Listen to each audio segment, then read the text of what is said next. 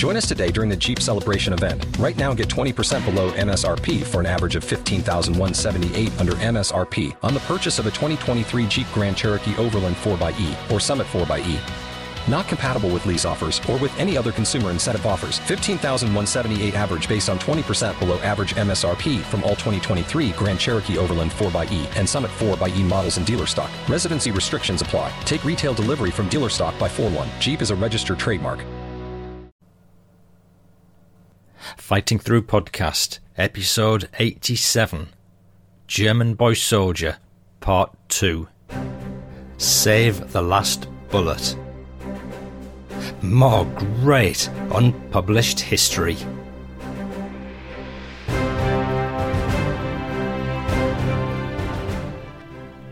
I glanced at the 20 metre mark to estimate the tank's distance correctly.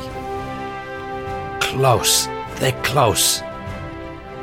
I squared my distance, right eye on the viewfinder, left eye shut. I zeroed in on the tank directly in front of me.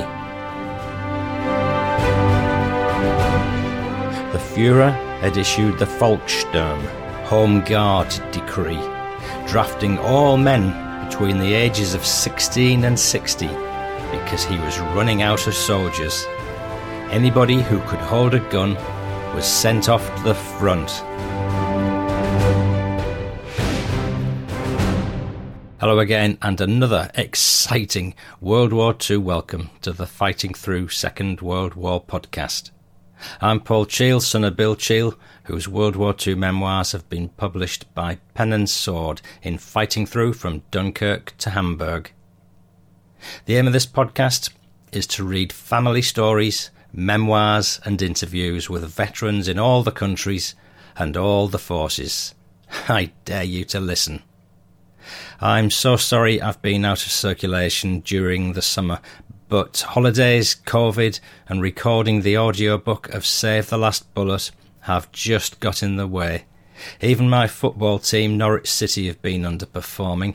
Um, I was so disgusted the other week when they lost, I decided to stop supporting them, and in a fit of anger, on the way back from the game, I nailed my season ticket to a tree. And a, a few hours later, I decided it hadn't been a good idea as I'd miss seeing my mates. So I went out to get it back to find that someone had stolen the damn nail. Oldens but goodens. Thank you to my pal Wayne for that one. Oh dear. Um, Another thing I've done while I've been away was to enter a photograph competition run by the British Normandy Memorial Trust based at Vers-sur-Mer, just up from Gold Beach in France, in Normandy. Um, my pick was a field full of bright red poppies, and in the distance was the memorial. You can see the photo in the show notes, and my prize is to feature on the November page of the calendar. The whole memorial complex has only recently been completed, and it's a dedication to the 22,000 British, French, and other foreigners, both soldiers and citizens, killed during the World War II Normandy campaign under British command. I visited France in 2019 and saw the memorial before all the surrounding plaques and supporting structures were erected. So I was really lucky to get the shot that I did. Um, my full visit to Normandy is covered in episode 45, and you can see a video I took of that poppy scene in the show notes. Uh, to this to this current episode at fightingthroughpodcast.co.uk. The great thing about this memorial is that it's near Vers-sur-Mer, where an excellent Gold Beach museum is, and Gold Beach proper is just down the road, where the Green Howards, East Yorks, and Sherwood Rangers Tank Regiment landed on 6th of June.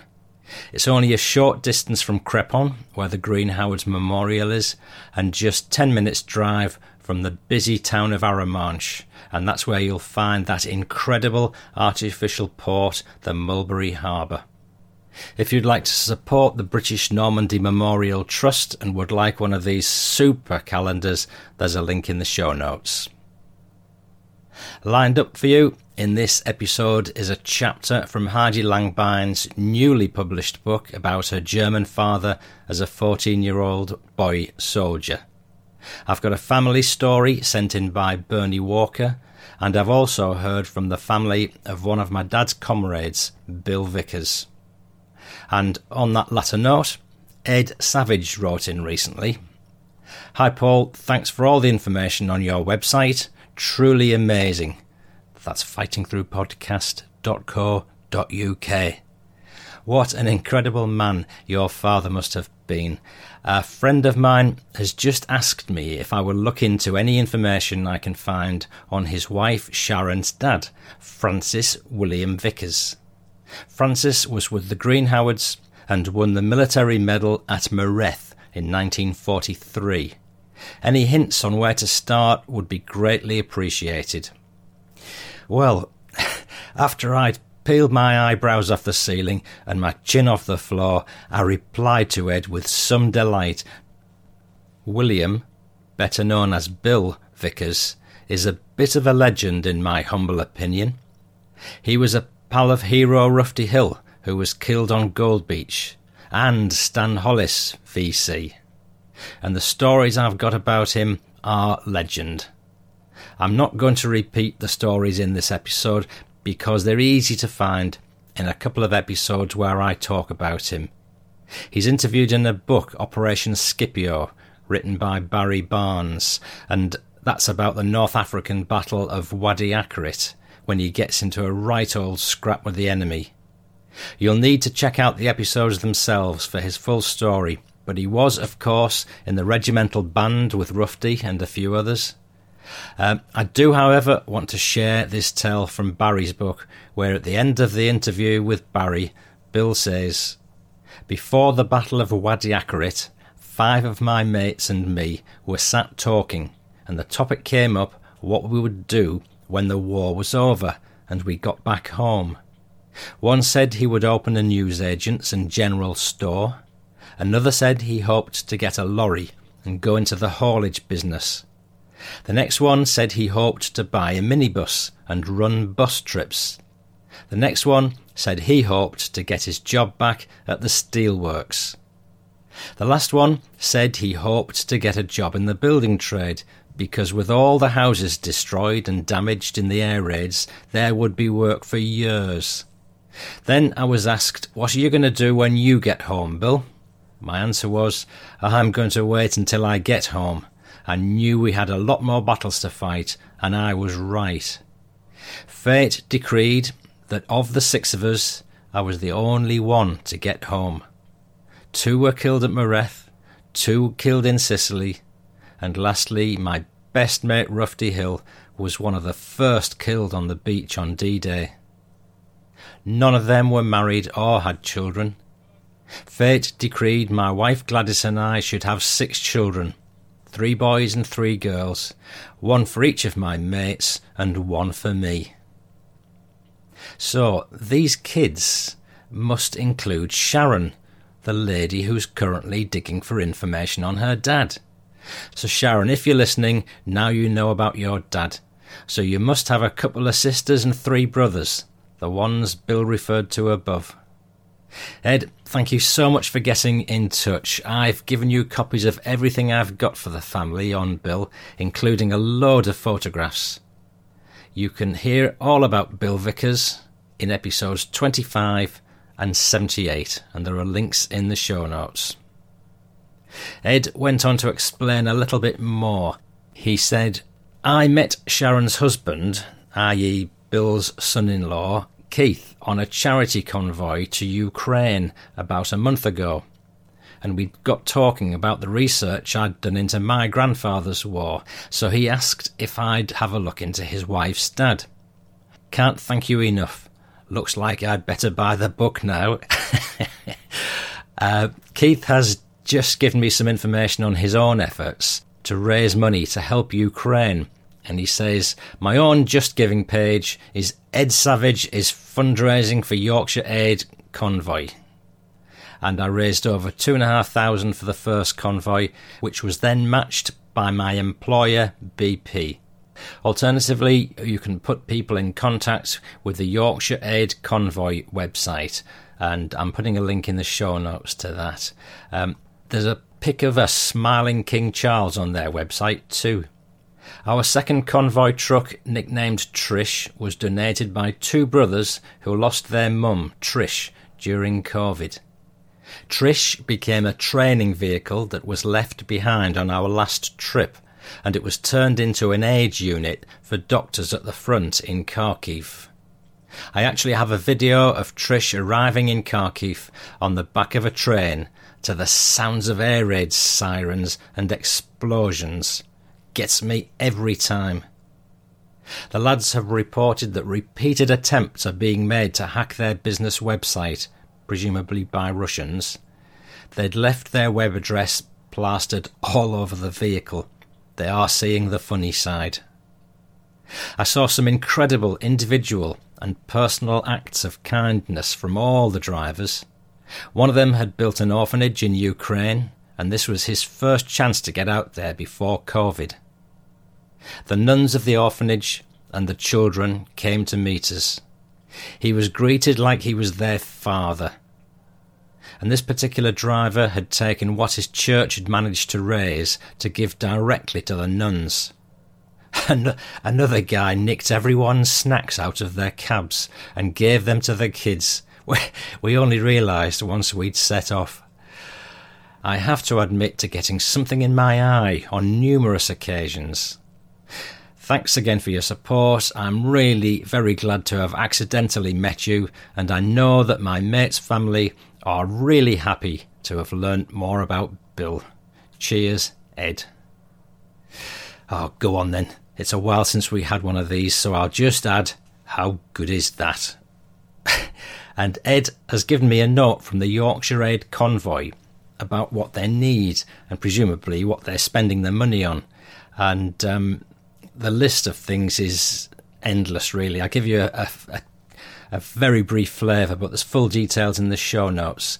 We're a UK registered charity delivering aid into Ukraine, requesting the following humanitarian, humanitarian aid donations hygiene products, medical supplies, thermal underwear, torches, candles, batteries, blankets, bedding, tents, tent heaters, communications mobile phones, radios, etc., laptops, non perishable food, including baby formula, tableware, crutches, and walkers. If you feel you're able to help in any way, please get in touch via yorkshireaidconvoy.co.uk. And that's from a chap called Gary Dooley. And in fact, that's nearly the full list of everything they're after. Um, so that list is in the full show transcript at Fighting podcast.co.uk, and the link to the Yorkshire Aid Convoy is in those show notes. But to remind you, it's Yorkshire Aid Convoy .co.uk and you'll find photos, videos and all sorts there as well as that photo of King Charles, the aristocrat formerly known as Prince. you heard it on the Fighting Through podcast first. The following people kindly left show reviews in various places. And there's Andy Wake Up World from the United Kingdom. Andy, I hope you're awake. Anonymous the Four from Aussie. Eric York from Pennsylvania, JWM 1960s. And thank you, chaps. And Keith Gibson uh, wrote in saying, My dad and many of my uncles fought in World War II. My father in law was a tank man in World War II and Korea. None of them would say much about their war experiences, so hearing about the experiences of others who served is a privilege. Thanks for your efforts, Keith.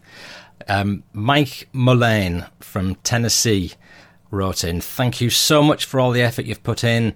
Uh, to hear the podcast in your English accent feels as if you put us right there. I've read a lot of books about World War II, but to hear your dad's accounts from his own eyes and thoughts is truly riveting. Looking for the book to read now. Thank you, Mike. That'll be the Fighting Through from Dunkirk to Hamburg book then.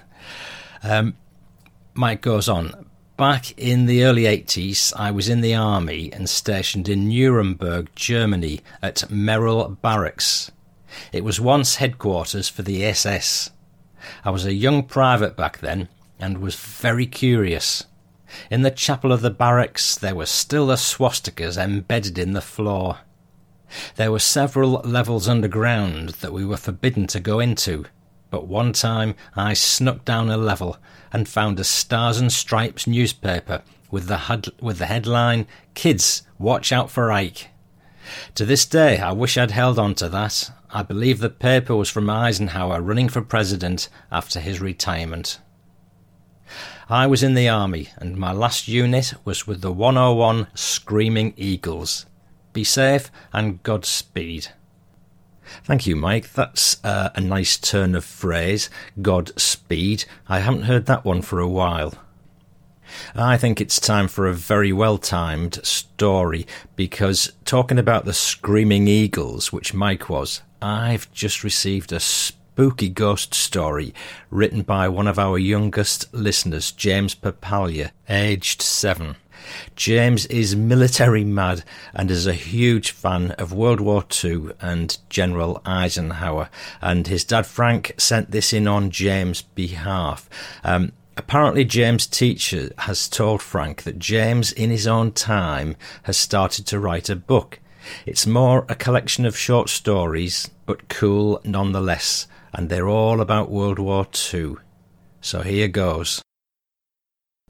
This is chapter 1 The Secret Beach by James V. Papalia.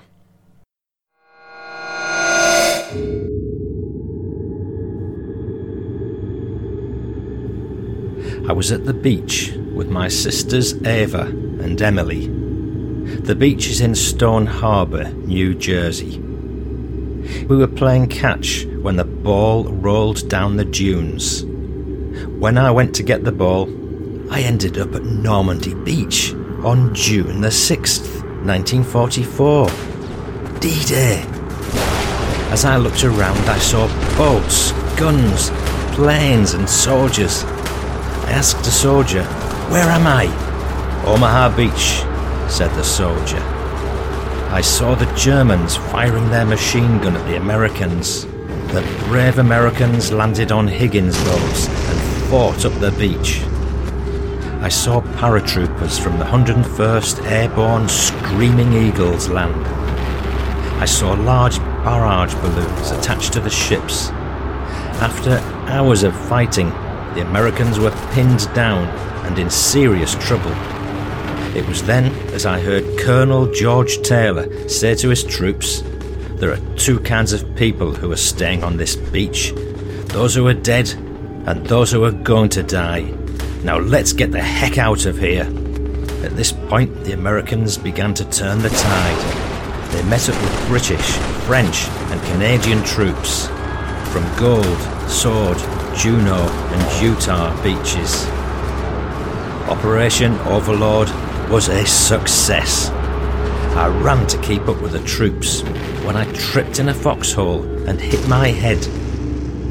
When I woke up, I looked around.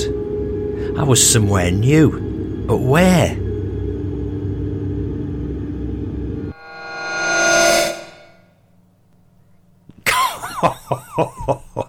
oh, James, that was wonderful. Do you know, I had a I had a shiver going up my spine telling that story. Really, really good. I just loved that, and the next one apparently is going to be at Dunkirk, and I wonder who you're going to meet there.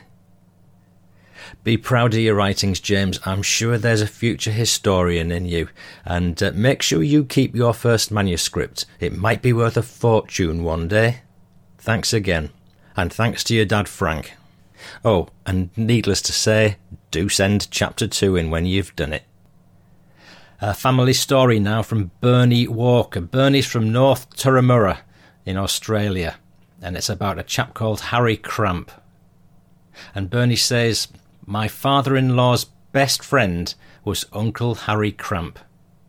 I remember many good times with them family barbecues, golf, playing cards, and of course, there was whiskey.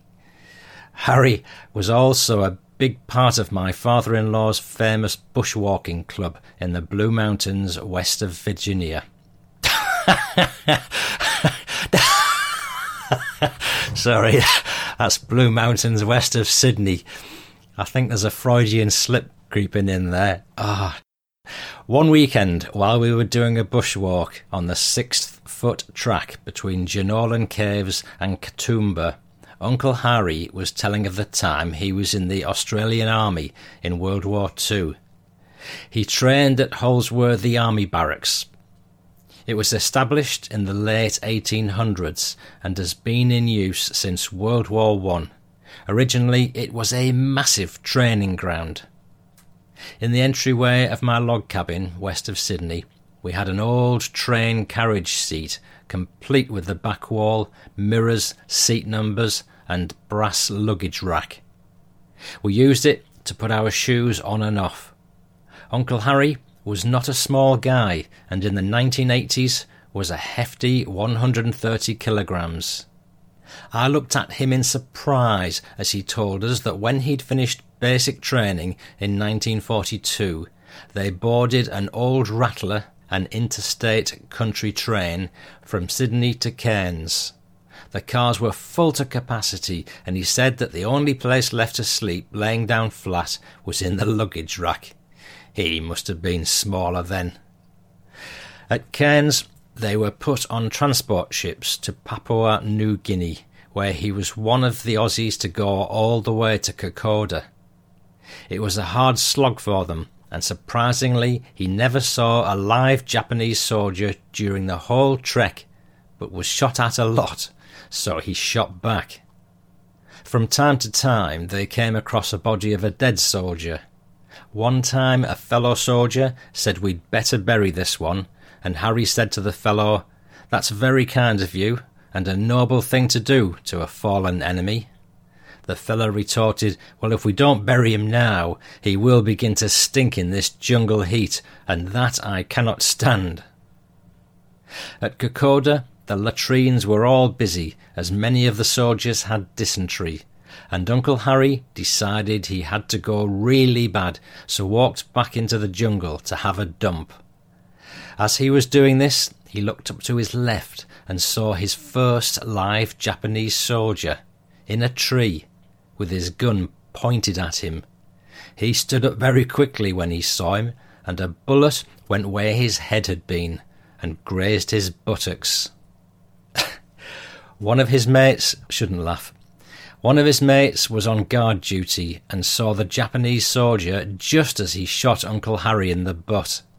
His mate quickly dispatched the fellow in the tree, and even though they thought they'd done a good job of mopping up the Japanese soldiers, they had to do another careful sweep so no more people got shot in the arse. No Purple Heart for getting shot in the bum. Uncle Harry's final patrols were in Japan. The troop ship they were on was to be one of the first wave to hit the beaches on the main island of Japan south of Tokyo. They were lucky, as the day Japan surrendered, they hit the beach and went into the nearest town. There was not a person to be seen, and no one shot at them, as their emperor had told them to lay down their arms. And where was the first place the Aussies went? the brewery, and boy, did they enjoy that Japanese beer. He spent the rest of his tour in Japan as an occupation soldier, making great friends in Japan, and went back many times after the war, with his last trip in the mid 1980s. I've not been able to find out the exact unit Harry was in, but I do believe that he may have been in the unit that Les Cook was in. Of course, we've covered Les's memoirs several times in this podcast. When I lived in Leura in the Blue Mountains, west of Sydney, one weekend my father in law, Uncle Harry, and I were putting up a clothes line. And as you know, it's not easy doing anything with a committee, but we did have fun. Then a big black cockatoo was up a big tree near us, and it went caw, caw, caw, caw, and as quick as a wink, my father in law said, Yes, dear. Harry, Jerry, and I fell on the ground, still laughing, and if you knew my mother in law, you, you would understand why we were laughing. She was looking out of the back window of the house where we were assembling the clothesline, and later asked us what we were laughing about. We quickly said it was a joke we couldn't repeat, and that just made her mad again. This is another family story from Bernie. This is about Jaroslav Falek. My father in law, Jerry, was born in 1930 in Brno, Czechoslovakia, near Prague, now the Czech Republic, Czechia. In the first years of German occupation, he spent that time with an auntie and uncle in the mountains. In about 1943, he ended up in Prague. To survive, even though he was a child, he worked as an interpreter, as he was gifted being able to speak Russian, German, Italian, some French, Spanish, and of course Czech. He was very lucky, as his work as an interpreter kept him clothed and barely fed, enough to stave off starvation. One day he was walking down the street just after several people were shot due to German reprisals after a partisan attack. Sadly, the Nazis would shoot ten for every one of theirs that they lost, and sometimes even wipe out whole towns if one of the high ranking officers was shot. They never knew what the Nazi SS mongrels would do. The townspeople that were nearby and were not shot were made to pile up the bodies. Jerry came across the pile of bodies that were put in a narrow lane, and one of the hands reached out and grabbed his arm as he heard a whimper for help. There was sadly nothing that he could do, as the German soldiers were watching, and he would have been punished or even shot and added to the pile. Another relative from his wife's side of the family angrily accused Jerry of being in the Hitler Youth, and when I asked about it, he said he did join, as he was desperate, and also they had no choice. They were given uniforms, clothing was in short supply, they exercised and trained to fight, and most importantly, they were fed, as food was also very scarce for the common citizen, especially in the occupied countries. He didn't believe what they were taught, knowing that it was just brainwashing. He kept his thoughts to himself and said that he did whatever he had to do to survive. Near the end of the war, he went back up into the mountains to stay with auntie and uncle. Then he went back to Brno in Czechoslovakia, where he trained to operate a delicatessen after the war ended. It was said by many Czechs, when the Russians were approaching from the east, that they were upset that the American army would not move through Czechoslovakia to save them from the Russians, as they knew what both the Russians and the Germans did to the Polish people, wiping out many more Jews and killing off as many partisans as they could. As the first months of the Russian occupation began, and seeing what was starting to happen in Czechoslovakia, Jerry, his brother Joe, and two friends decided to try to get to the west. This time they only got a few miles, and the local police caught them on their way to the border. They spent the night in jail and were told not to do it again. Being stubborn, they tried again a couple of weeks later, travelling by night and hiding during the day. But they didn't hide well enough this time. On the third night, they thought they'd crossed the border and laid down to sleep after they'd crossed the railway tracks thinking that they were in Austria. But German shepherds had got their scent, and they were woken up by their barking. They were caught again, as they were on the wrong side of the tracks, so they were in Czechoslovakia, not Austria. They spent the next three months in jail, as the police chief thought that would teach them a lesson, and they would not try to leave the country again. The police chief was wrong, as they certainly were stubborn and wanted to see what the world had for them that would be certainly better than what the communists had in store for them. They made a third attempt, this time travelling cross country, staying away from the roads, villages, and checkpoints. This time they couldn't take his brother Joe as he suffered from pneumonia. Joe was extremely upset but went on to do accounting and business studies, eventually becoming an economic advisor to the Czech government, retiring just before the end of communism in Czechoslovakia. He was never happy with the communists, but like so many, just kept it to himself to preserve his life. Getting near Vienna, they contacted the Zatopek family, who lived there at the time in the English sector. The Valek family and the Zatopeks had been close friends. Emil Zatopek was a very well known runner and a champion cyclist, going on to set records as a runner. Then he went on to win multiple gold medals at several Olympic Games. They got to a farm, friends of the Zatopeks, who had a farm wagon with a false bottom, where they were hidden for the ride under a load of hay.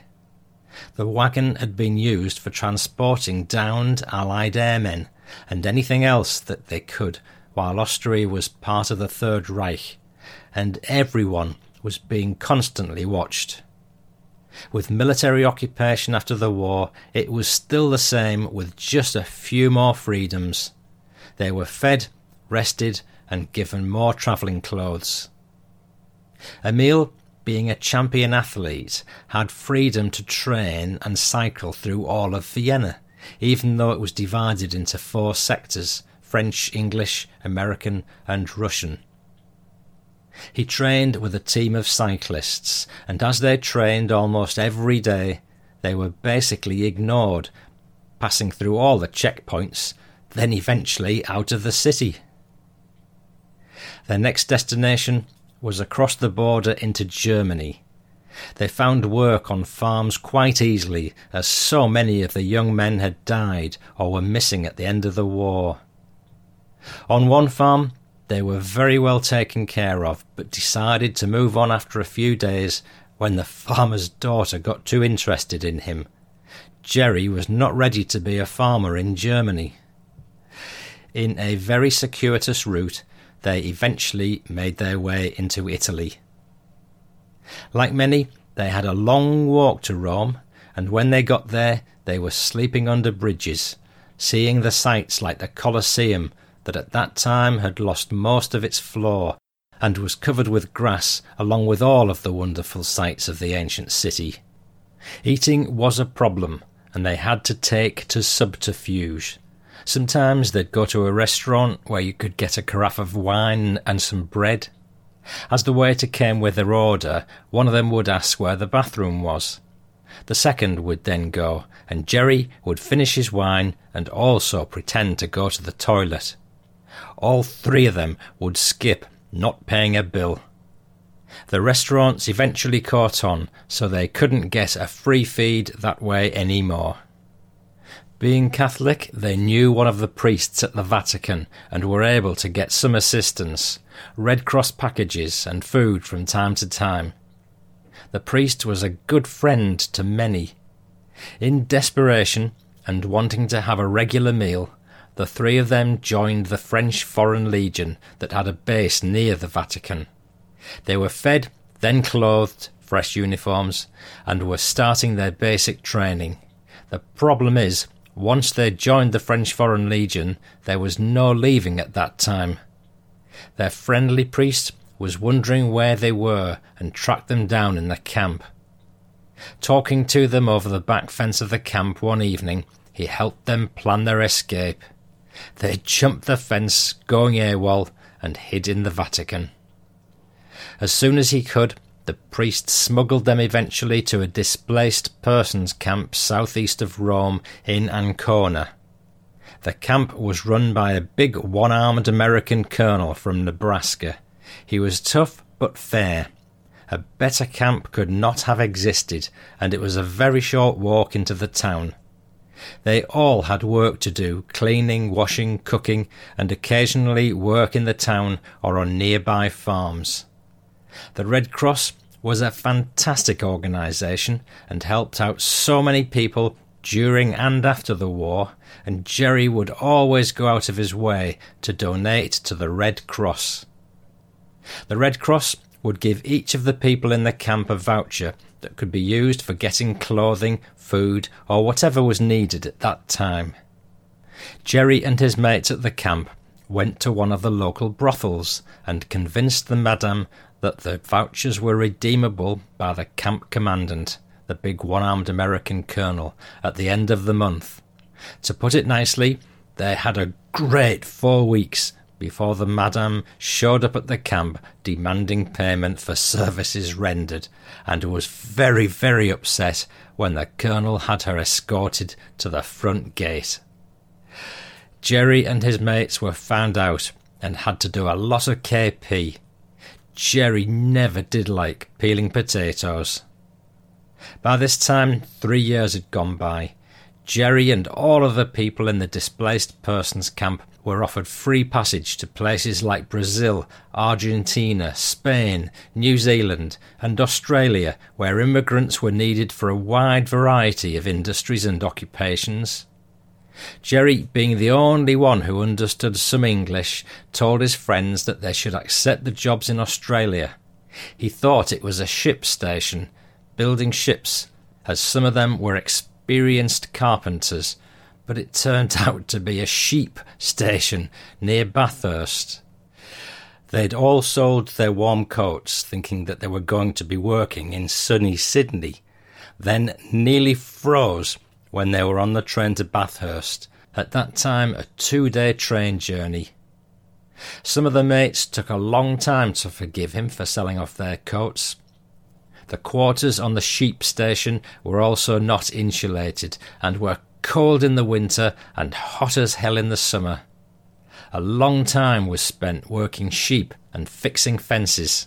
There are many places in the Australian outback where a 50,000 acre paddock could be stocked with 50,000 sheep and there would be the same number of wild kangaroos. Jerry, working as a jackaroo, was riding the fence line, checking the wires and posts one day, then looked to his left, and there was a big red kangaroo looking him straight in the eye.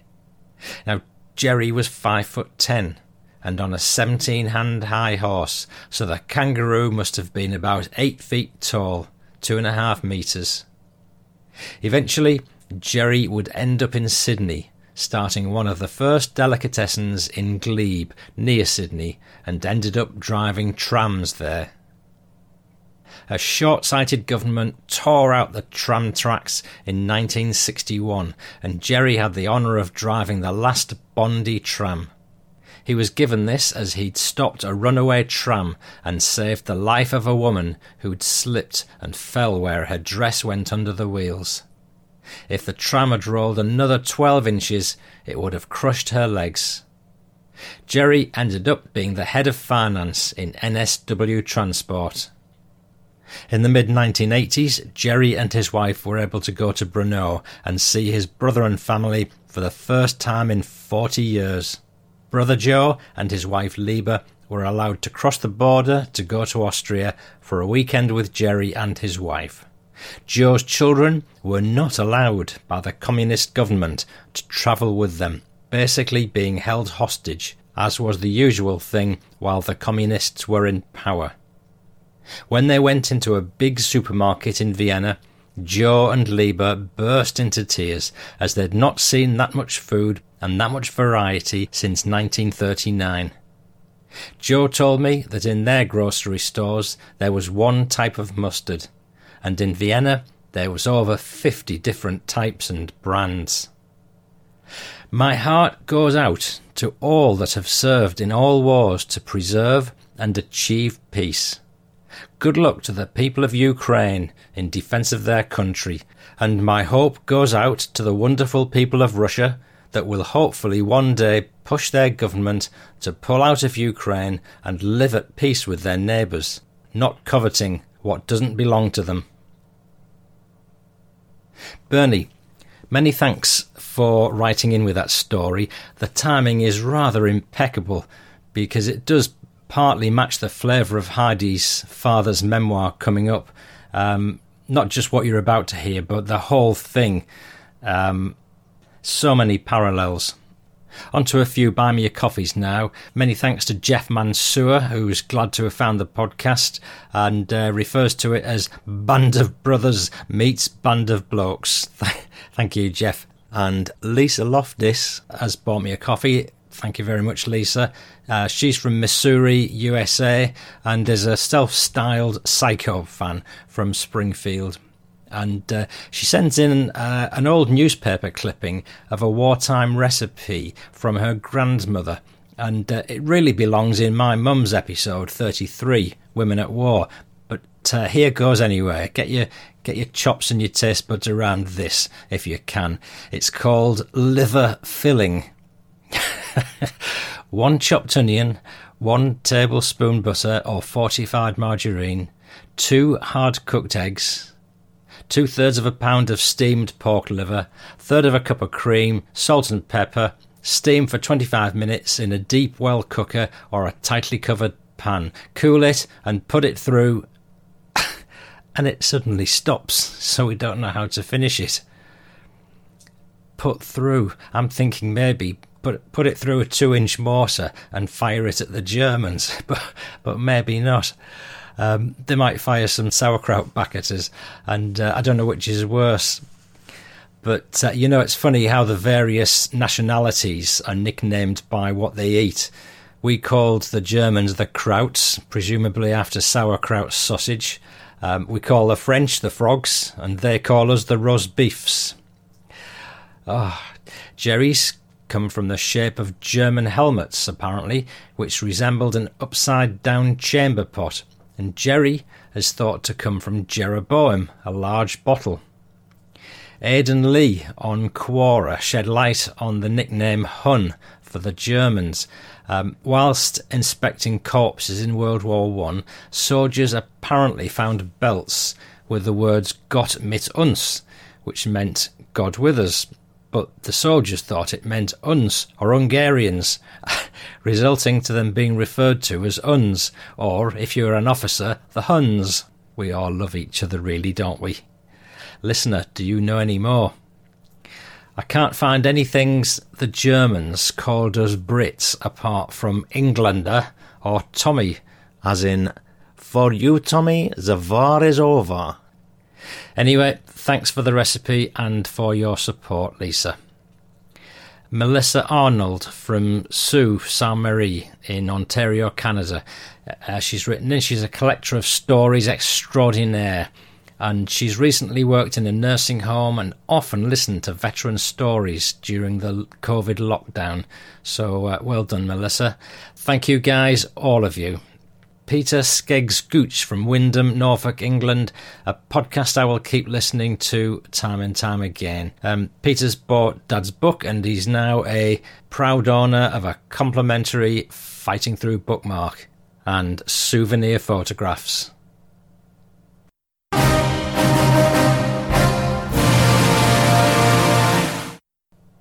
And now for the main event. Roughly two years ago, Heidi Langbein wrote to me. She said, Dear Paul, my father, Willy Langbein, was 13 when the Nazis took him away from his parents under the pretense of protecting him. Instead, he was moulded into cannon fodder for use against the Russian army. He was sent to the Eastern Front in the last days of the war and was never expected to return alive. Having survived against all odds, my father gives an eyewitness account of the devastating effects of war from his unique perspective as a child soldier. I've written a book, as yet unpublished, in memoir form, transcribed from audio tapes he narrated in German and from my many conversations with him. I strongly believe his story should be shared with the public due to its relevance to current events. That was my first contact with Heidi, and following on from that, I produced a Fighting Through podcast, episode 69, showcasing Willy's story and appealing for interested publishers to get in touch. Well, that episode took off rather well for me and was downloaded over 12,000 times, roughly double my average. It certainly boded well for the clear interest there is in the German side of the Second World War, and that's backed up by the uh, emergence of the new magazine, Iron Cross, and the success of Jonathan Trigg's book, D Day Through German Eyes. And little did I know that when I tipped off my own publishers, Pen and Sword, that they'd express interest in Heidi, and within 18 months the book would be polished off, printed, and distributed in the UK and America. How good is that? I can hear you ask. And uh, who'd have thought I would personally get involved? with the production of the audio version of the book. I've donated my labour for free with this project, so I haven't got any financial vested interest in promoting this, but uh, Heidi is going to donate a generous sum to charity on the back of sales volumes achieved. So there you go. It's been a Herculean effort all round, and I must congratulate Heidi for her many years of effort to bring this book to fruition. And if there are any awards going for dogged persistence, she wins it in spades. You can hear me interview Heidi about it in episode 69, and she's currently busying herself producing German and Spanish translations of the book whilst holding down a busy full time day job. And in case you're wondering, will I be involved in the German audiobook? I very much doubt it. But boy, we had some fun wrapping my tonsils around some of those German words. We had me sending emergency WhatsApp messages to Heidi, asking her how to pronounce a word, and her graciously recording the answer during what I imagine was her lunch hour. Words like Vertuchtikunslager sounds like it would mean something like, Where the heck have I put my beers? But actually, it means military training camp, which is where this next chapter is located. So, this is your last chance to soak up the vibes from this book before you buy it. Unless, of course, you stay for the PS, where one final passage awaits, with Willy facing off an oncoming Russian tank. Sometime in the future, I'm going to be able to share some hilarious outtakes from my recording of Save the Last Bullet, because although the book clearly has a serious side, there is also plenty of humour, which had me falling off my chair more than once. Here's a quick resume of the book before we enjoy the chapter. Willy Langbein was just 13 when the Nazis took him away from his parents under the pretense of protecting him.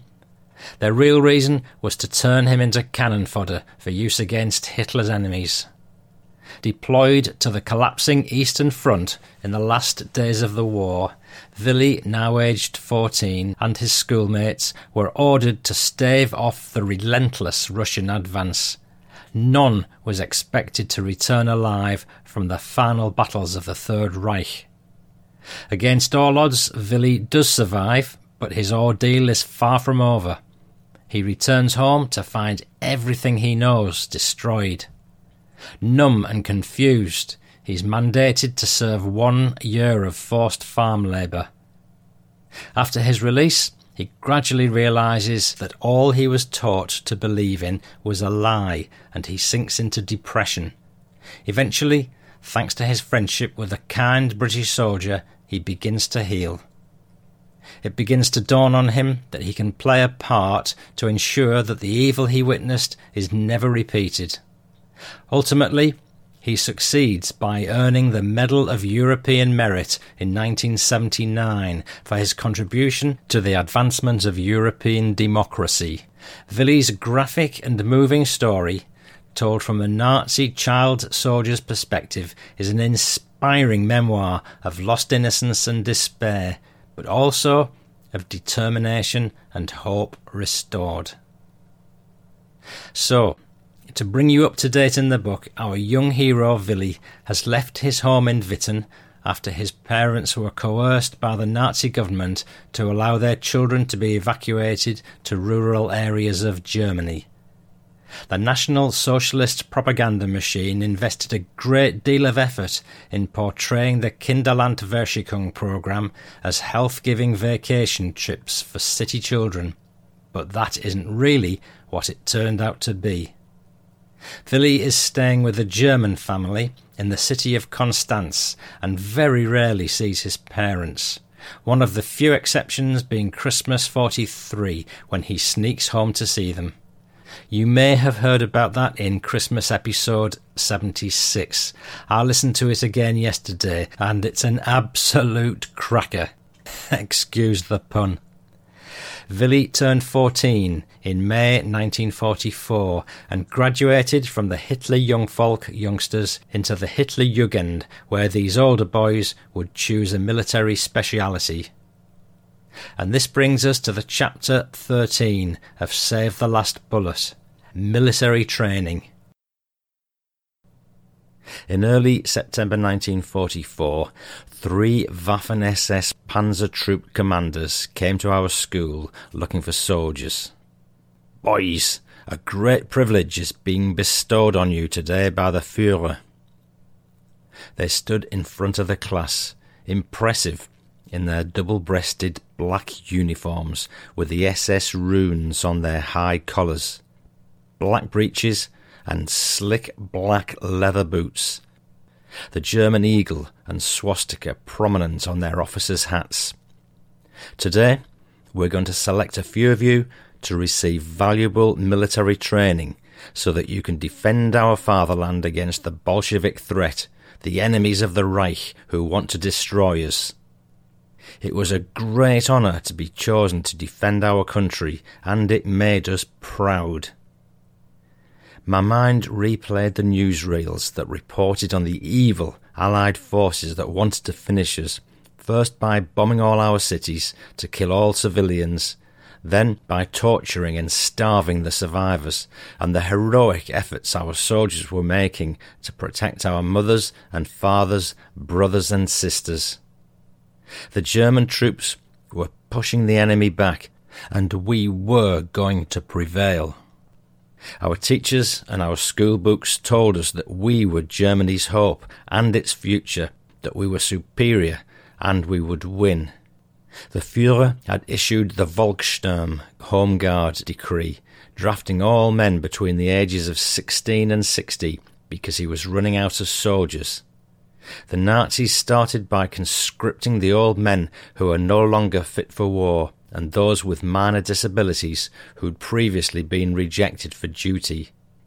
Anybody who could hold a gun was sent off to the front to fight the total war, with the aim to engage every resource of Germany into the war effort being above any other priority. We were next.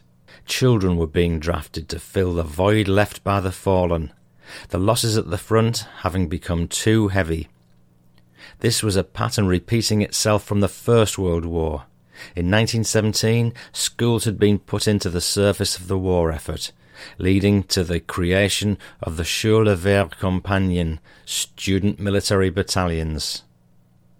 Children from our very school had been given military training, deployed to the factories to manufacture ammunition, and sent to the fields to help with the harvest.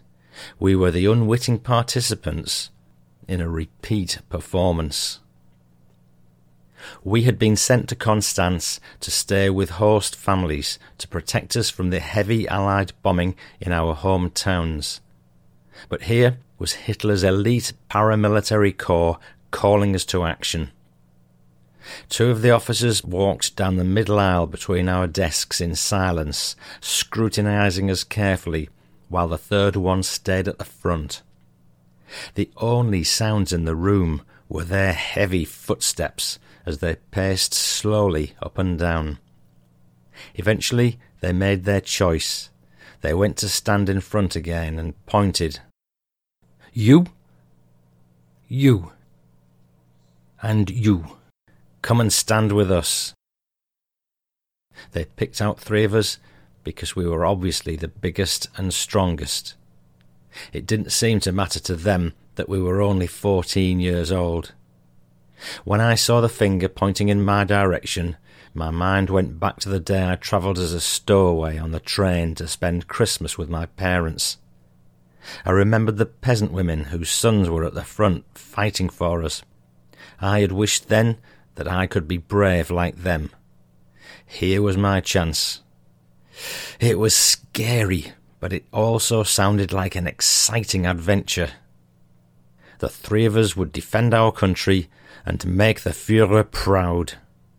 We would march into battle and defeat the enemy or die. We were going to wear smart uniforms, ride mighty tanks, and carry powerful weapons that would strike fear into the hearts of the enemy.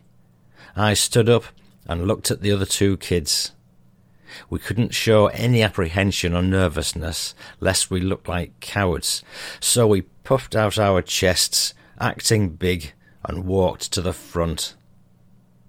The other boys looked at us with wonder, some of them jealous that they hadn't been selected.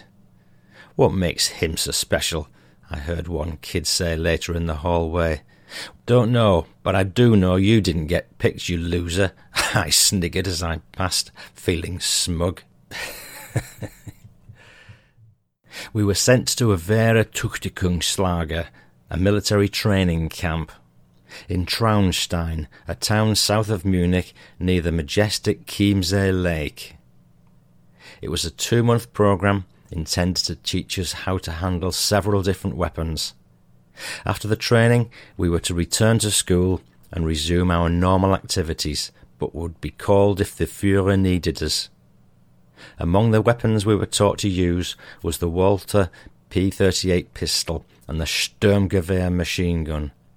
We were told that this was the first machine gun in the world that was accurate at a thousand metres, a superior piece of equipment. The last thing they taught us to fire was the Panzerfaust, the anti tank rocket launcher, a weapon designed to blow up enemy tanks. They explained to us that German weapons were more advanced than, and far superior to, the armament of our enemies, especially the Bolsheviks, who sometimes still used primitive horse drawn carriages. We were told that not only was our weaponry superior, but also our intellect. The course lasted from early September to the end of October 1944. We were quickly disabused of the notion that this was in any way a glamorous assignment, as we'd somehow imagined when we were picked out for the privilege. The barracks where we stayed were large two story buildings with mess halls and offices on the ground floor and dormitories upstairs. We got up at six o'clock in the morning were given little to eat then, and not much more for the rest of the day. There were non stop drills from dawn until sunset. At night, utterly exhausted and with grumbling stomachs, we crawled up the stairs by the skin of our teeth to the dorms, and the whole thing started again at six in the morning the next day. We did get to watch a lot of newsreels. On the movie screen, the German eagle would spread its wings to the sound of fanfares, and we listened to the triumphant updates of how German troops had won back territory from the enemy. The German soldier was invincible, and our instructors told us we were to become national heroes. We looked at each other with a sense of pride, knowing we were going to do something important. After all, what could be more important than defending your country? Only much later would I find out that at that point Germany was in retreat on every front, sustaining heavy casualties in a war that had already been lost. And there we will leave it. It's quite scary, really, because reading through the book, it's difficult not to be struck by the comparisons with present times.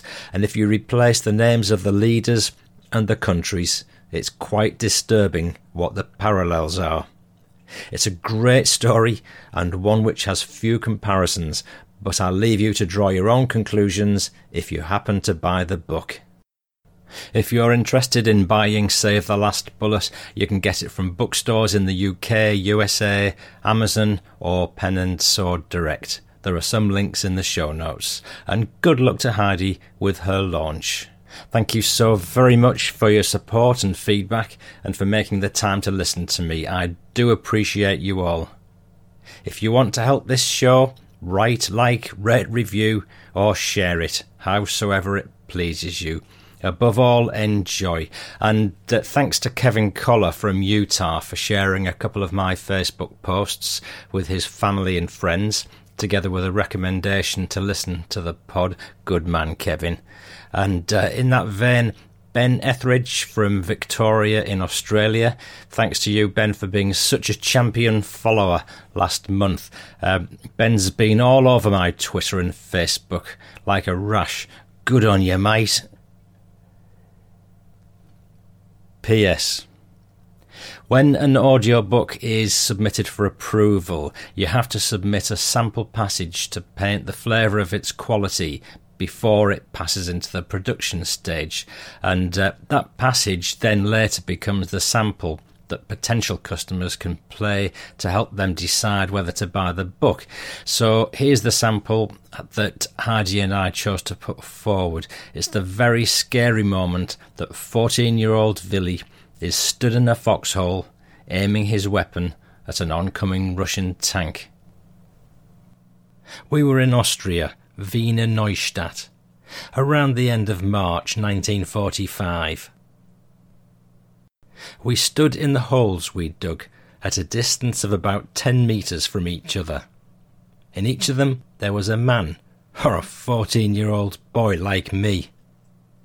Each of us had four Panzerfaust anti tank rocket launchers at his disposal, the transport truck for the Panzerfaust was a short distance behind us, so we could get more if it became necessary, because it was a disposable weapon and could only be fired once. If you fired your four Panzerfaust and more tanks were coming, you better had run back to the truck to get replenished.